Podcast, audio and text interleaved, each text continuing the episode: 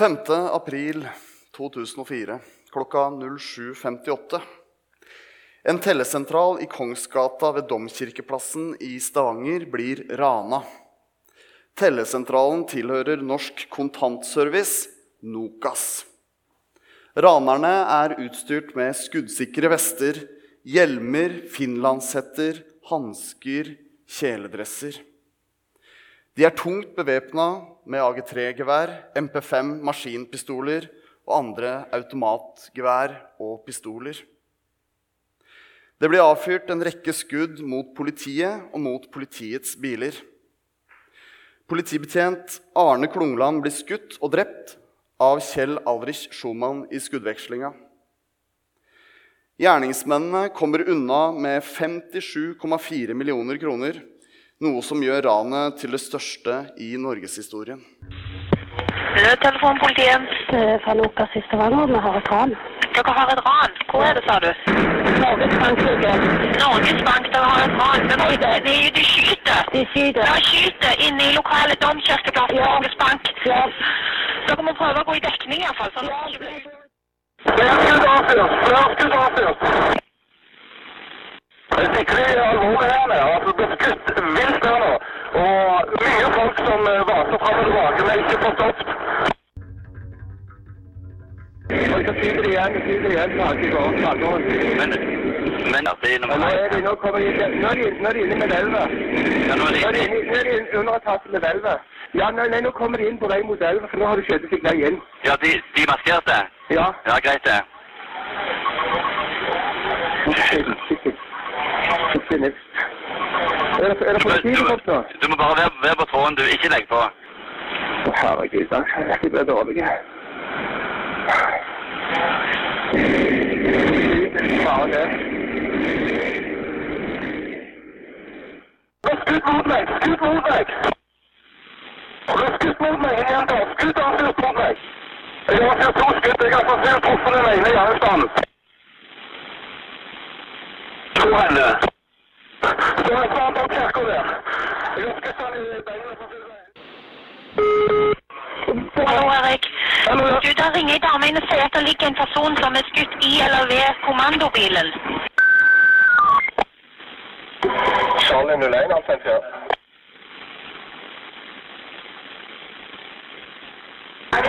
Charlie 01, altså, ja. Kjetil Klungland, hjertelig velkommen til oss. Takk for det, Ole Martin. Takk for det. Veldig hyggelig å ha deg her. Du er sønnen av Arne Klungland, som ble drept i forbindelse med Nokas-ranet. Og vi skal bruke litt god tid i dag på å eh, snakke litt om det som skjedde, og din historie i forhold til det. Kan ikke du begynne å fortelle litt om den dagen? Ja. Eh, den gangen så jobba jeg i ambulansetjenesten og var på jobb denne morgenen 5. april i 2004. Eh, jobba da et år ute på eh, Jæren, eh, på Bryne, ca. en halvtime fra Stavanger sentrum. Og meg og min kollega var på vei inn til sykehuset et, et opp, eh, på et oppdrag. da. Dette oppdraget som jeg var på, det var et ganske sånn stille og rolig oppdrag. Det var ingenting dramatikk rundt dette.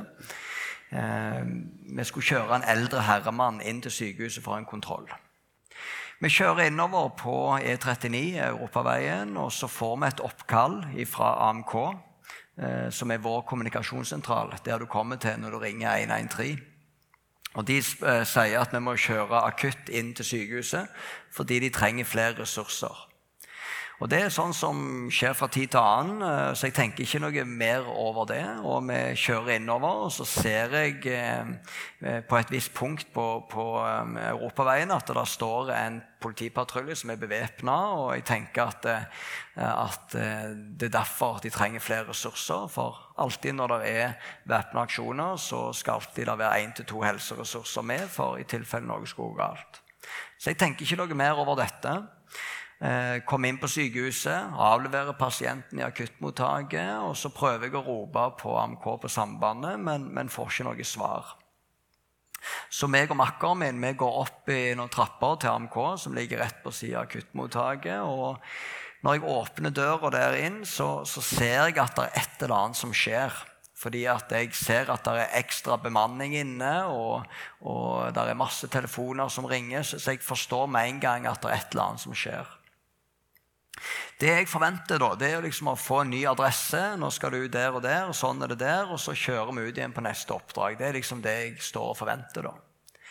Men kollegaen min i, som jobber i AMK, han snur seg mot meg, ser at jeg står der, og så bare fortsetter han å jobbe videre med det han skal gjøre. da. Så meg og makkeren min vi blir stående i døråpningen der og, og vente litt på et nytt oppdrag. da. Eh, Operatøren i AMK snur seg på ny, spør om at vi kan gå inn på et rom på sida av. Jeg syns det var litt merkelig, for jeg forventer jo å få et nytt oppdrag. Men vi gjør som vi får beskjed om, da, og kommer inn eh, på et rom eh, i denne sentralen da, på sida av. Og så ser jeg ut vinduet at det er et eller annet som brenner lenger vekke enn noen kilometer fra sentrum for sykehuset. Og ut ifra røyken så tenker jeg at ok, det må være en husbrann eller noe sånt. Det er sorte røyk og, og liksom dette. Så, så, jeg tenker liksom Skal ikke vi ut på dette, da? Eh, hvorfor sitter vi bare her? Så kom eh, en av, eh, eller lederen min for ambulansetjenesten inn i rommet. Og så sier han at eh, han har lest på nettet da, på aftenblad.no at det er et pågående ran nede i Stavanger sentrum og at det er løsna skudd. Eh, min første tanke da det er at jeg håper pappa er på jobb. Fordi at når pappa var på jobb i den tida, så hadde han en rolle som i dag heter innsatsleder. Og det er at du skal styre alle styrkene som er ute på de oppdragene. Eh, så jeg kunne liksom se han for meg når, eh, når organiserte og sånt. og Pappa likte når det brant litt rundt beina, når det var litt utfordringer som skjedde. Det var liksom da han var i sitt ess. Det, det var da han likte seg best. da. Så tenkte jeg at ok, han kommer hjem eh, seinere, og så møter jeg han hjemme. og Så får jeg høre litt om hva som har skjedd den dagen, og så drøfter vi litt problemstillinger. og sånt. Eh, så etter hvert så kommer to av mine ledere for eh, AMK kom inn i rommet og setter seg ned på sida av meg og så sier de at eh, vi tror det kan ha skjedd noe forferdelig med far din. De sier at eh, vi vet ikke helt bekrefta om det er han, og vi vet heller ikke helt sikker eh, hva som har skjedd, men du må forberede deg på at det kan ha skjedd noe med han. Det jeg tenker på da, det er at ok, dette har jeg tenkt kunne skje. Har, og det var flere år forut for dette. Eh, I 2001 så begynte jeg i ambulansetjenesten. Og i 2002 så begynte jeg å jobbe i begravelsesbyrå i tillegg. Og fikk mye faglig ballast og begynte å reflektere litt annerledes. Jeg var så vant med å være ute på andre sine kriser. Jeg var så vant med å være ute på andre sine hendelser at jeg begynte å tenke på at hva hvis det plutselig er jeg som står i en hendelse? Jeg begynte å tenke litt på hva om jeg kommer ut på ei trafikkulykke, og så er det mine venner som er involvert. Jeg begynte å tenke på at hva om eh, jeg kommer ut på en hjertestans, og så er det far til en kamerat av meg som ligger død på gulvet. Og et av scenarioene jeg hadde tenkt igjennom, hva hvis pappa blir skada eller drept på jobb, og jeg er første ambulanse på stedet? Hva gjør jeg da? Får jeg panikk? Klarer jeg å gjøre det jeg skal gjøre? Diverse.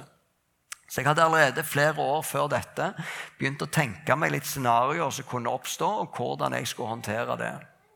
Så de tankene var det første som kom til meg når jeg da hørte at det kan ha skjedd noe med pappa. Så kommer de eh, lederne fra AMK de kommer inn på ny igjen. Setter seg ned på sida av meg og så sier de at nå, nå er det bekrefta. Det er far din og han er skutt. Det første jeg tenker på da, er at ok, pappa har blitt skutt. Det er ambulanse på stedet.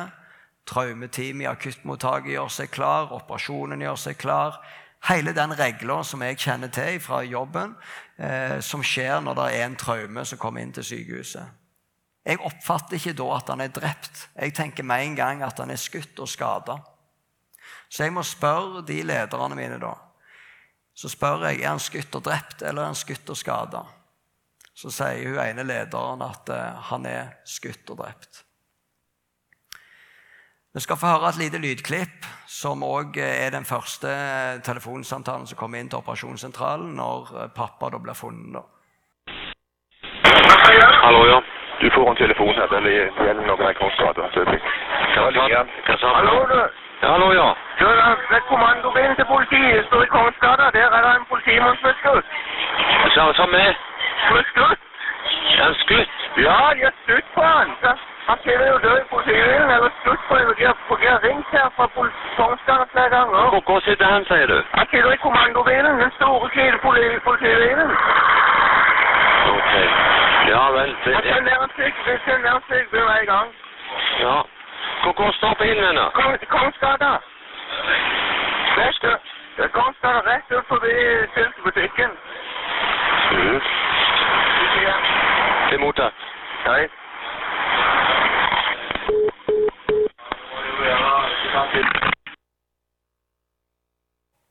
Når dette skjer, så er noe av det første jeg tenker på, at ok, dette har jeg tenkt kunne skje, og dette har jeg på en måte lagd meg en slags plan for. Litt sånn som jeg sa, flere år forut så begynte jeg å reflektere annerledes. Og så hadde jeg tenkt igjennom på hva gjør jeg hvis det som ikke skal skje, skjer. Så lagde jeg meg en sånn liten plan som jeg hadde oppi hodet. Det var ikke noe jeg skrev ned, men bare noe som jeg hadde liksom, Hva er det jeg ønsker å gjøre den dagen, og fokusere på? Jeg visste jo ikke hvordan jeg følelsesmessig ville være hvis noe skulle skje. Men jeg hadde nok sånn tenkt at ok, sånn og sånn vil være smart. Og så tenkte jeg at eh, jeg får bare iverksette den planen, og så får jeg improvisere ut ifra hva jeg kjenner blir rett. da. Når jeg sitter der oppe, så kjenner jeg jo at jeg trenger informasjon. Jeg lurer veldig på hvor har dette skjedd henne? Hvordan så det ut? Hvem har gjort dette? Hva slags folk er dette? Er det blitt eh, de som har gjort en ugjerning, har de blitt pågrepne eller ei? Så jeg sitter med mange spørsmål som jeg har behov for svar på. Jeg tenker òg at jeg må ringe til mor mi og varsle resten av familien.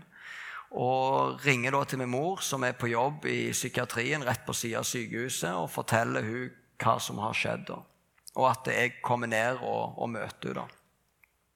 Der og da ble jeg tatt ut av tjeneste. Nå står jeg ikke i fare for å bli sendt ut på nye oppdrag. Eh, Men jeg har ambulanseuniformen min på. Og det er òg noe som preger, preger hodet mitt og tankegangen min videre den dagen. som jeg skal komme tilbake til. Jeg drar ned og møter mor mi ute i gangen forbi den avdelingen hun jobba på. Og hennes første ord var bare at han hadde jo tre år igjen. Og jeg tror at mor mi har tenkt igjennom risiko. Eh, For pappa har jo jobba, jobba jo i, i politiet siden 70-tallet. Men, men tenkte at nå skulle han pensjonere seg om tre år. Og at det da ble risikoen annerledes. Så hennes første ord var liksom han hadde jo bare tre år igjen. Jeg sier til mor mi at jeg vil ned i sentrum der som dette har skjedd, for å få med meg dette her og spørre om hun vil være med, og det, det vil hun. Så vi kjører ned til sentrum. Det er ca. et par kilometer å kjøre. Og når jeg kommer ned i eh, Kongsgata, der som pappa ble drept, så er allerede bilen med pappa i tatt vekk fra stedet, så den står ikke der nede da. Men vi får komme bak sperringene, og jeg husker at det var en litt sånn, helt sånn fred nede i sentrum. Det var helt sånn en stillhet. Jeg husker at fuglene kvitra, og det var en sånn en stillhet nede i sentrum. Selv om det var folk som varra fram og tilbake og skulle på jobb og diverse. Selv om at det var første mandagen i påskeuka. Men hvor var jeg henne følelsesmessig når jeg sto der nede? Jeg, eh, jeg klarte ikke å begynne å gråte. Jeg stolte på at det som jeg hadde blitt fortalt, at pappa var blitt drept, jeg stolte på at det stemte. Men følelsesmessig så gikk det liksom ikke opp for meg. Jeg følte at jeg liksom sto litt på sida og litt sånn følelseskald når jeg var der nede. Litt av det første sterke møtet det var oppe på politihuset i Stavanger. For vi fikk beskjed om at det skulle være en, en, en, um, orientering oppe på politihuset. Og jeg kjente jo at jeg ville ha informasjon, så det ville jeg få med meg. Når jeg kom inn i foajeen på politihuset, så står pappas kollegaer, som jeg òg kjente godt fra før, som møter meg. står i omkrensa ring rundt meg og holder rundt meg og gråter. Dere vet at politifolk er mennesker med følelser og alt det, men allikevel så var det et sterkt øyeblikk, samtidig som det opplevdes som en sånn verdig at dette står vi sammen om, om dette. Så det føltes som et sånn godt samhold når jeg sto der. Inne på piketten, som er det oppholdsrommet til de operative styrkene, så skal det bli i gang med en sånn orientering da, hvor politifolk skal fortelle om hva som hadde skjedd, for å få danna et bilde. Det som skjer rett forut for dette møtet da, Jeg sa litt om at, beskrev litt for dere hvor hodet mitt var henne. Jeg var liksom litt på jobb i hodet. At det var vanskelig for meg å legge vekk den tankegangen. For da eh, kommer det en arrestforvarer fra arresten kommer inn i rommet. Og så eh, spør han er det noen for helse her, for vi har en som har, eh, har hengt seg i arresten. Og meg og makkeren min vi reiser oss opp og løper ned mot arresten. Og Hun snur seg til meg og så spør hun, vil du virkelig dette, Kjetil. Og så tenker jeg jo bare med en gang, men jeg er jo på jobb. For meg så var det vanskelig å kunne, når jeg var så vant med en rolle, og liksom skulle ta inn over meg at det faktisk er jeg som står i en krise nå.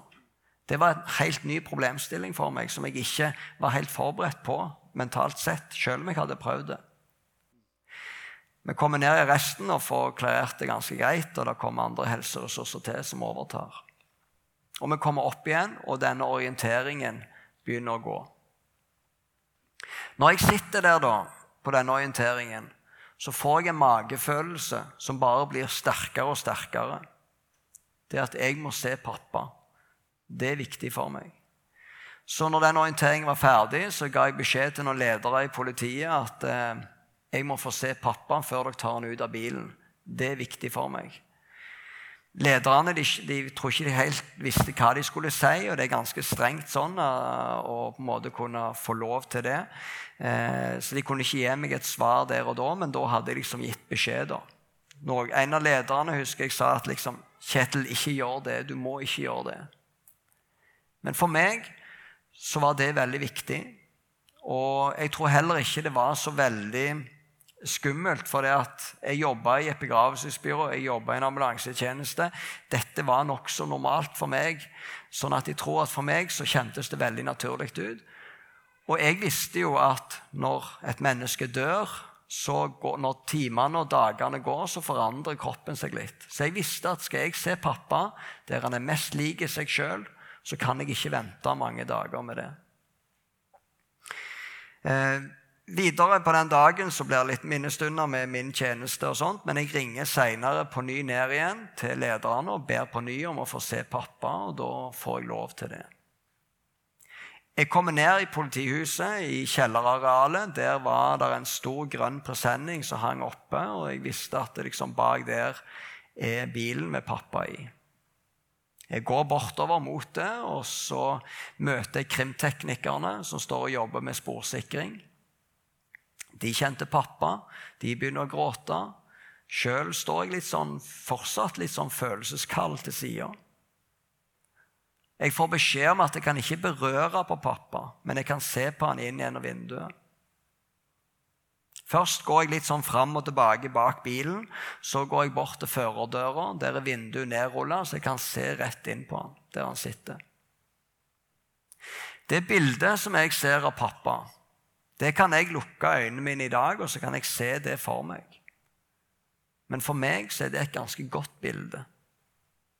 Fordi han så ganske lik seg sjøl ut. Både hudfargen, øynene var rolige, halvveis nedrulla, hendene lå litt i fanget, og, og um, han var rolig om munnen.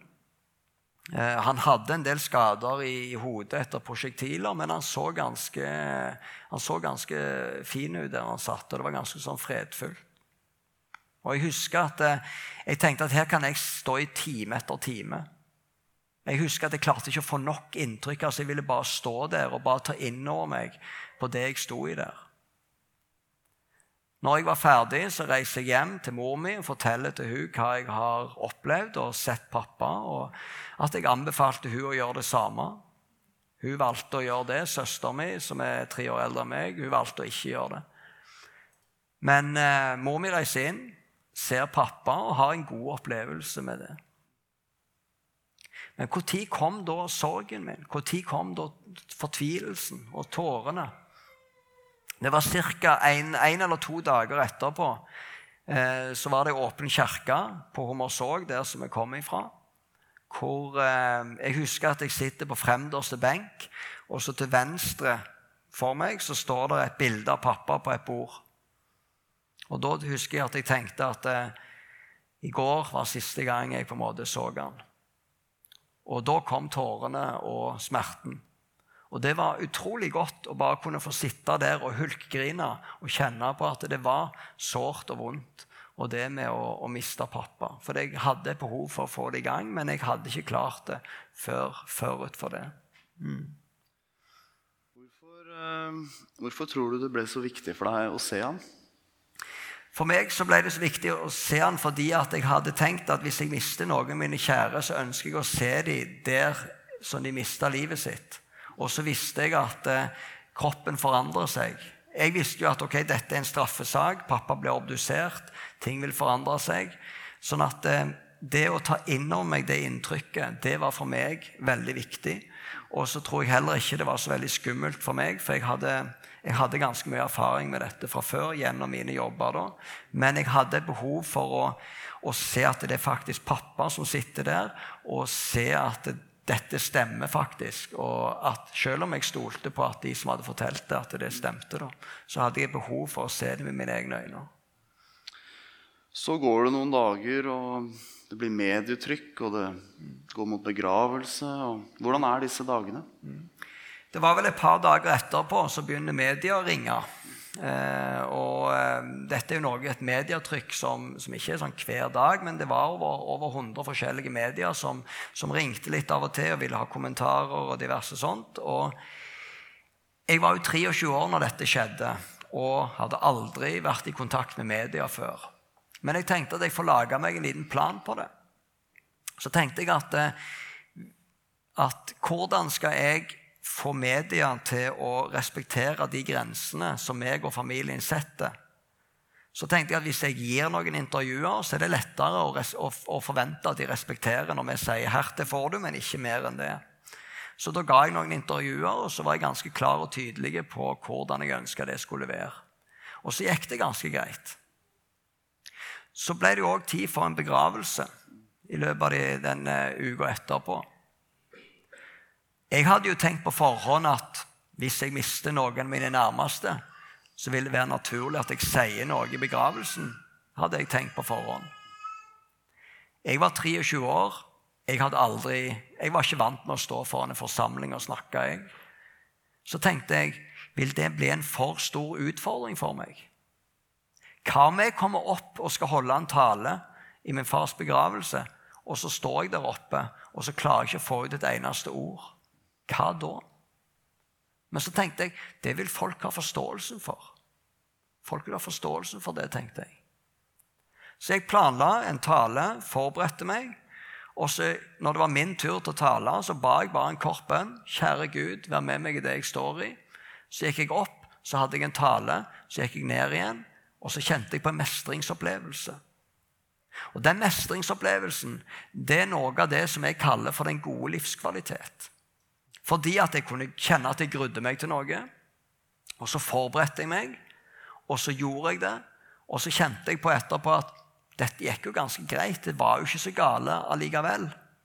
Og det ga meg et spark bak til å hive meg ut i neste utfordring og neste utfordring og neste utfordring. Og sånn fortsatte jeg egentlig hele veien.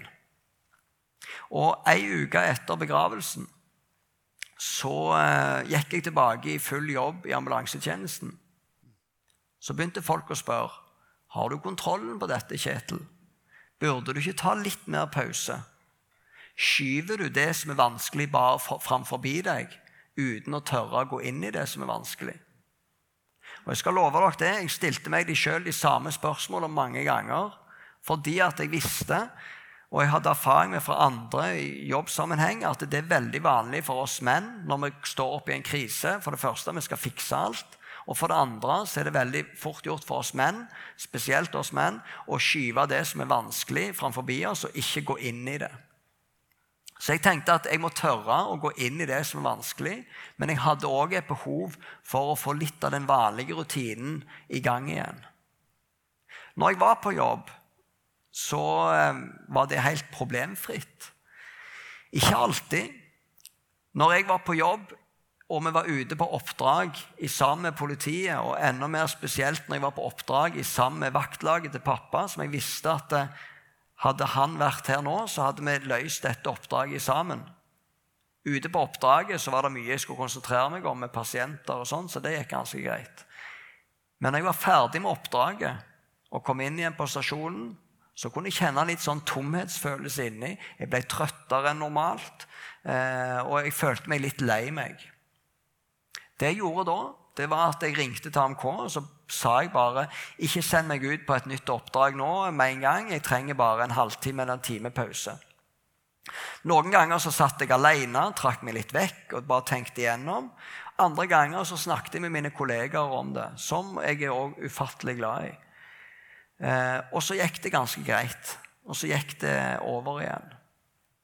Så det opplevdes ganske bra å, å komme tilbake på jobb. Men poenget er at når jeg utfordra meg sjøl, så så jeg at det var ikke så vanskelig når jeg først hadde gjort det. Og så gjorde det at jeg kom meg ut i nye utfordringer, nye utfordringer, og at det gikk en mestringsopplevelse i dette. Ja, for det er jo veldig, det er veldig interessant, syns jeg, at du, du, du, inntar en veldig aktiv rolle. Helt fra starten av. Du vil se faren din. Du tar en aktiv rolle inn mot media. Du tar en aktiv rolle i begravelsen. Du har også fortalt at du stadig dro ned igjen til Kongsgata for å oppsøke stedet jevnlig. Mm. Eh, hvordan tror du det bidro til at du, du, er der du er i dag? Eh, for meg så, så først så, så um, tenkte jeg at jeg ønska ikke at måte, Stavanger skal bli en vond ting for meg. Eh, så jeg tenkte, jeg var veldig nysgjerrig. Jeg er en veldig nysgjerrig person. da. Og kjørte ofte, på, eller ofte tidvis før jobb, gjerne tidlig på morgenen, så kjørte jeg ned Kongsgata, der som pappa hadde kjørt, og satt, prøvde å sette meg inn i hans rolle. da. Hva tenkte han på? Hva følte han når han kjørte ned der? Han visste at det var skyting der nede. Hva tenkte han på når han reiste ned mot stedet? Og eh, hva tenkte han på når det ble skutt mot bilen? Det ble skutt mot bilen, og han begynner å rygge bakover, og gjerningspersonen fortsetter å skyte. Hva tenkte han på da? Var han redd? Hva, hva kjente han på? Men jeg, jeg, prøvde å sette meg inn i hans sted og bearbeide det gjentatte ganger. Eh, som for meg virka veldig bra, og som gjorde at eh, jeg kunne kjøre den veien og være i Stavanger sentrum eh, uten at det kjentes på som noe ubehagelig. Mm.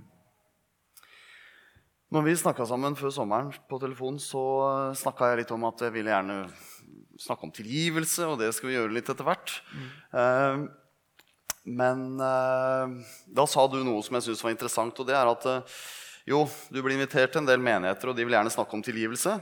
og så blir du invitert også til en del nødetater, og de vil gjerne snakke om krisehåndtering, eller hvordan man liksom forbereder seg for kriser. Eh, og så burde det være litt mer omvendt. Eh, hva tenker du at Det er jo ikke alle som vil ende i en sånn ekstrem situasjon som du har opplevd. Men, men, likevel så har vi alle våre kriser i livet. Hva tenker du om, Hvordan kan vi forberede oss til det? Hvorfor skal vi gjøre det? Mm. Litt, litt, litt, sånn som du begynte med å si, at uh, menigheter er liksom veldig opptatt av tilgivelse. Og, og, jeg vil snu litt på det, fordi at uh, jeg tror i en menighet blant troende så har veldig mange gjort refleksjoner rundt tilgivelse. Og er vant med ordet, vant med hva det betyr. Men har gjerne ikke tenkt så veldig mye på hva gjør jeg dersom det som ikke skal skje, skjer? Hva gjør jeg hvis det oppstår en større eller mindre krise? Og jeg tror det er de færreste som går gjennom livet uten å oppleve større eller mindre kriser. Det kan være dødsfall i nær familie, det kan være skilsmisse, det kan være forskjellig. Hva gjør jeg da? Og når jeg kommer til brann, helse og politi og liksom faginstanser og har foredrag, så er de veldig opptatt av dette med forberedelse og krisehåndtering, som du sier. Men de har kanskje ikke gjort seg så mye refleksjoner rundt tilgivelsens kraft. Så da pleier jeg kanskje å tenke liksom at her må det kanskje være mer trøkk på tilgivelsens kraft. eh, til den eh, gruppa som jeg snakker om. Når jeg tenker på dette med å håndtere kriser, så er det litt med at hva, hva, hva er, det, eh, er poenget med det? Det er at en skal tenke scenariotenking. Jeg tenkte at hva er det som kan skje, og hvordan skal jeg forholde meg til det? Og så begynte jeg å reflektere rundt det i, i prosessene. På hva som kunne oppstå i livet mitt. Mm. Du har jo fortalt at du ble invitert til en, til en sorggruppe også eh, Ja. en stund etterpå. Og opplevde at du, du sånn sett hadde bearbeida ting litt annerledes. Et, et år etter dette skjedde, så fikk jeg en invitasjon i posten til sorggruppa. Og så kjente jeg på at jeg, tror ikke jeg, jeg kjente ikke jeg hadde noe så veldig behov for det. Men så begynte jeg å tenke kanskje har jeg mer behov for den sorggruppa enn jeg egentlig klarer å se. Så jeg tenkte at ja, ja, jeg melder meg på. Kanskje lærer jeg noe i samme slengen. Og så meldte jeg meg på i sorggruppe, så gikk jeg i det i seks måneder. Og så eh, spurte jeg om jeg kan være med å lede neste. Så i løpet av ett år så møtte jeg mange mennesker som hadde det ganske vanskelig. Og så begynte jeg å se på at det mange av de syns er vanskelig, det er ikke vanskelig for meg. Og så begynte jeg å reflektere rundt hvorfor ikke. Hva er det de har gjort som jeg ikke har gjort, og motsatt? Og så så jeg på det at mange av de tok ikke utfordringer. De kunne ikke gå på åstedet der de hadde mista sine kjære. De kunne ikke gå på gravplassen. De, de kunne ikke eh, tale i begravelsen, for det ville de aldri takle. Og så bygde de opp murer i livet sitt som, som begrensa sin livskvalitet. Og som jeg ikke hadde vært helt bevisst på i starten. Jeg hadde bare gjort det stikk motsatte. Når jeg da reiste ned i, i eh, Stavanger sentrum og gikk gjennom Jeg gikk inn i alle ble konfrontert med alle det som var vanskelig. Og så så jeg på at eh, jeg opplevde en mestring. Det var jo ikke så gale som jeg hadde forutsett før jeg, når jeg da forberedte meg. Men Kjetil, nå når du beskriver disse tingene her, så Hvor er følelsene dine? Mm. Du kan tenke et scenario, men følelsene vil jo alltid være en litt sånn X-faktor på hvordan man liksom reagerer. Eh, Hvor var de hen i dette? Ja. Hvordan, hvordan ja. Jeg er en veldig rasjonell person. Det, det er jeg. Eh, og er veldig takknemlig for det. Jeg syns det ser litt slitsomt ut når jeg møter liksom mange spesielt damer har mye følelser. og, og sånt. Jeg er en enkel mann og syns det er veldig enkelt. Eh, men jeg er en veldig rasjonell person, da. Eh, og kan òg ha litt vanskelig å sette meg inn i hvordan det er å være følelsesstyrt menneske. Men, men eh, jeg tror at eh, når en da gjør litt scenariotenking og tenker litt igjennom, så var det i alle fall for meg en hjelp til å, å være rasjonell i, i den settingen. da. Eh, så for meg så kjentes det veldig naturlig ut. Men jeg var òg opptatt av at jeg ikke skulle skyve det så vanskelig for forbi meg, men at jeg skulle tørre å gå inn i det. Og når vi snakker om følelser, så er det en ting med sorg og, og, og, de, og det, for så vidt. Eh, men så er det jo sinne. Altså Her er det jo noen som har skutt faren din. Eh, hvor var sinnet? Til å begynne med så var det så mye som skjedde. Jeg kjente ikke på sinne og tenkte at det kommer sikkert etter hvert når ting lander litt. tenkte jeg. For det er helt berettiget å bli sint når det skjer en urettferdig gjerning. Og det kan jeg kjenne på andre ting i livet mitt. At når en urettferdig gjerning skjer mot enten meg eller noen av jeg er glad i, eller andre, så kan jeg kjenne på et, et, et sinne og ønske etter å ta hevn. Men oppi dette som jeg opplevde her, så kjente jeg ikke på det sinnet. Men så tenkte jeg at det kommer kanskje etter hvert. Men det kom aldri.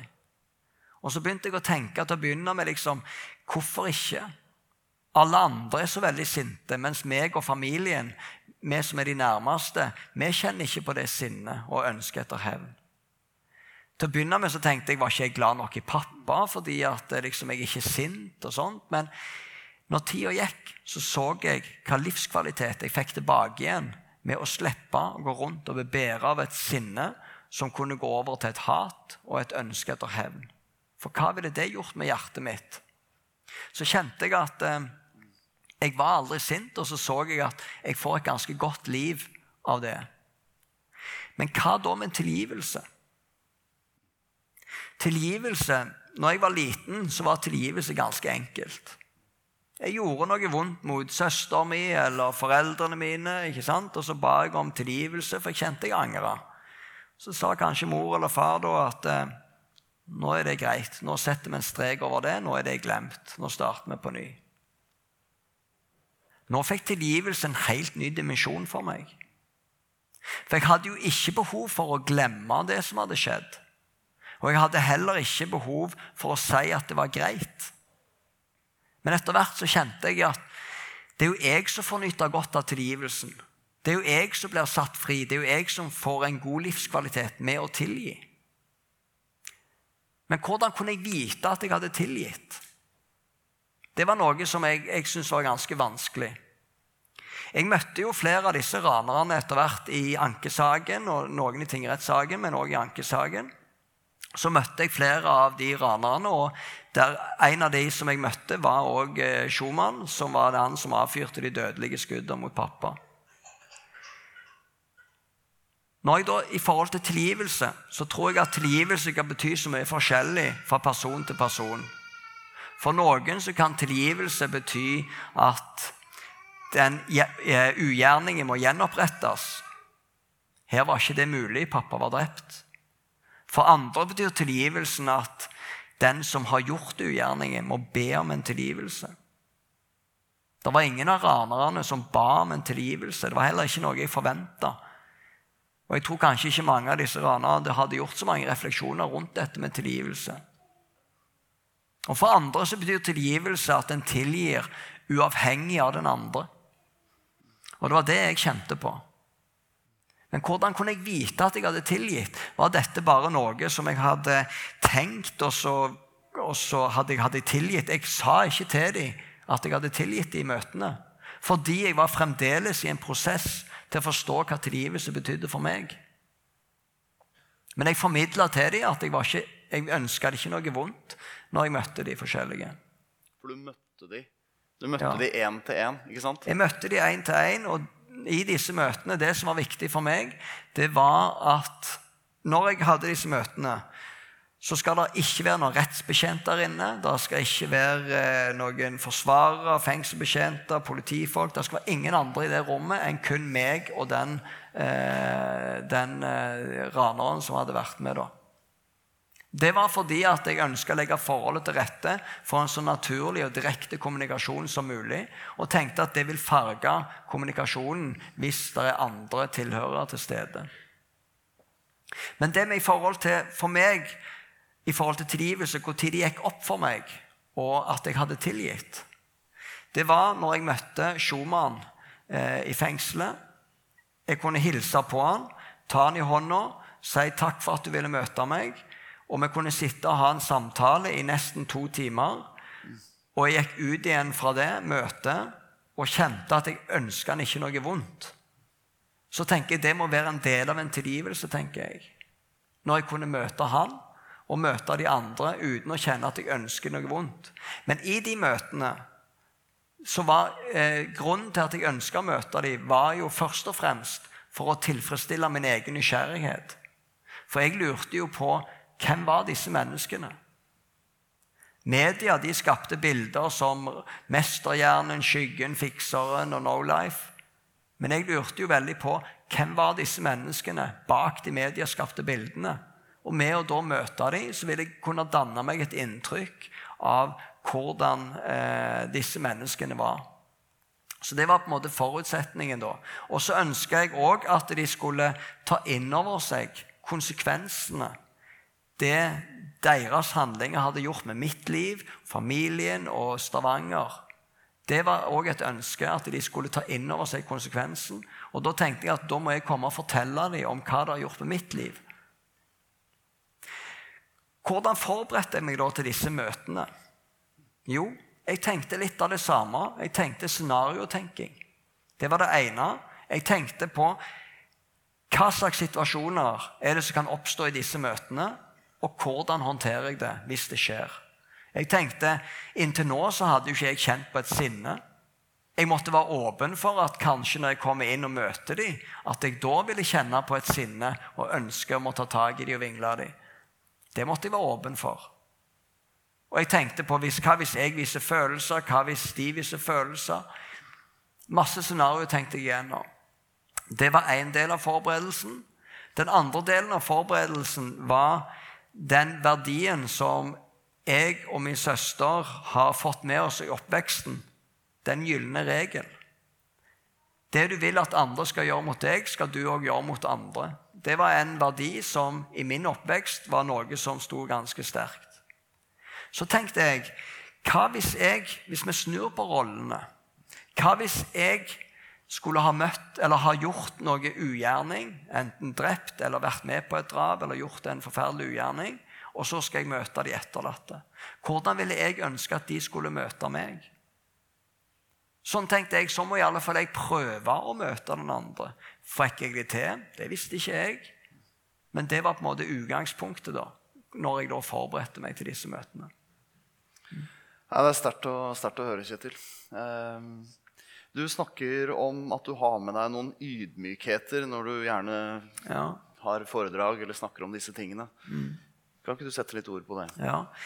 Jeg ønsker òg å formidle en ydmykhet på flere ting. Det ene er på at jeg har en ganske stor respekt for de menneskene som sitter i vanskelige problemstillinger, og som ønsker å tilgi. Fordi at jeg føler at jeg fikk det så veldig enkelt. For jeg var aldri sint. Jeg skulle på en måte ønske at eh, jeg var sint, og så gjorde jeg sånn og sånn, og så kom jeg fram til en tilgivelse. Men jeg må bare være ærlig med hvordan det opplevdes for meg. Men jeg har veldig stor respekt for de menneskene som sitter i problemstillinger som syns det er vanskelig å tilgi. Eh, Det har jeg stor respekt for. Det andre ydmykheten som jeg også ønsker å formidle, det er at eh, jeg er en vanlig mann med mine feil og mangler og må være ganske ydmyk for at kanskje neste utfordring i livet mitt vil kjennes helt annerledes ut. Hva om jeg hadde hatt barn, noen hadde gjort noe med barna mine? Hva om jeg hadde vært i situasjonen der nede og sett, hypotetisk sett at gjerningspersonen hadde tatt pappa ut av bilen, ned på kne, gitt han et eh, skudd i hodet mens han smilte til meg? Ville det generert andre følelser? Det aner jeg ikke. Så det er litt med den der at jeg ønsker også å på en måte være åpen for at kanskje neste utfordring i livet mitt så kjennes det annerledes ut. Men denne hendelsen har lært meg noe om tilgivelsens kraft. Og det er òg noe om altså, jeg, jeg, tror, ikke det er så lett at du bare kan styre det med å tilgi. Men jeg tror òg det handler noe om hvor er du velger å ha fokuset ditt. Velger du å fokusere på at du skal ta hevn, hva gjør det med din livskvalitet? Eller velger du å holde fokuset på tilgivelse, og hva gjør det med hjertet ditt? versus? Så jeg tror at det har noe med fokuset å gjøre, men jeg tror ikke det er så enkelt at du bare kan styre det. Men for meg, som er en kristen mann, tror jeg at det der var Gud for oss til å se utover det meningsløse og se utover den eh, hevnen som kunne ha vært der. For jeg klarer ikke å finne noen annen grunn til det enn at jeg tror der har Gud vært med meg og familien. Mm. Veldig fint, Kjetil. Vi skal gå inn mot en landing. Eh, nå har vi hørt eh, det du har fortalt, og eh, noe av dette som går på tilgivelse, som du tar nå også mot slutten, og det som går på hvordan man håndterer kriser, det er jo ting som jeg tenker at vi kan ta med oss eh, og reflektere over. Eh, nå skal vi kjøre en liten video eh, hvor det er mulig å, å gjøre nettopp det. Bruke noen minutter i stillhet og se på den og, og, og gjøre det. Takk skal du ha, Kjetil, for det som du har eh, delt med oss. Eh, Nå er det sånn at Når du eh, drar rundt og, og, og deler historien din, refleksjonene dine, så, så tar du ikke noe betalt for det. Mm. og Derfor så skal vi gi en gave til noe som heter Villa Ville. Mm. kan ikke du fortelle litt mer om hva det er? Jo. Villa Ville det er et, et prosjekt eh, som eh, er av ei god venninne av meg som, som eh, Når jeg tok Politihøgskolen, så når jeg var ferdig, så fant jeg ut av at hun har et annet kall. Og det at hun skal være der for mennesker og ungdom som har det vanskelig. Og hvor hun da kjøpte en gård hvor, på Nordvestlandet som hun da eh, drifter med hjelp av ungdommer som har havna litt på skråplanet, som trenger arbeidstrening. Det kan være eh, voksne innvandrere som, som, trenger å inkluderes, og språkopplæring. Og hvor hun drifter dette her på hobbybasis og har egentlig ingen inntekt. Eh, hvor hun lever på på andre sine premisser, da. Eller eh, på, på, andre sine måte gaver hun får. da. Og det er noe forbilledlig, det hjertet hun har, og det ønsker jeg å på en måte støtte. Eh, så hvis eh, dere er på Facebook, og sånn, så kan dere inn på Villa Ville og så lese mer om det. Hun har òg tilknytning til Young Life, som jeg forstår at eh, denne menigheten her òg støtter. Men, men, pengene vil òg gå til drift og oppbygging av, av ungdommer, unge voksne, voksne som har havna litt på skråplanet, og som trenger en positiv trygghet inn i livet sitt. Så det vil komme opp en plansje med et Vipps-nummer som er mulig å vippse direkte til, til denne eh, stiftelsen. da.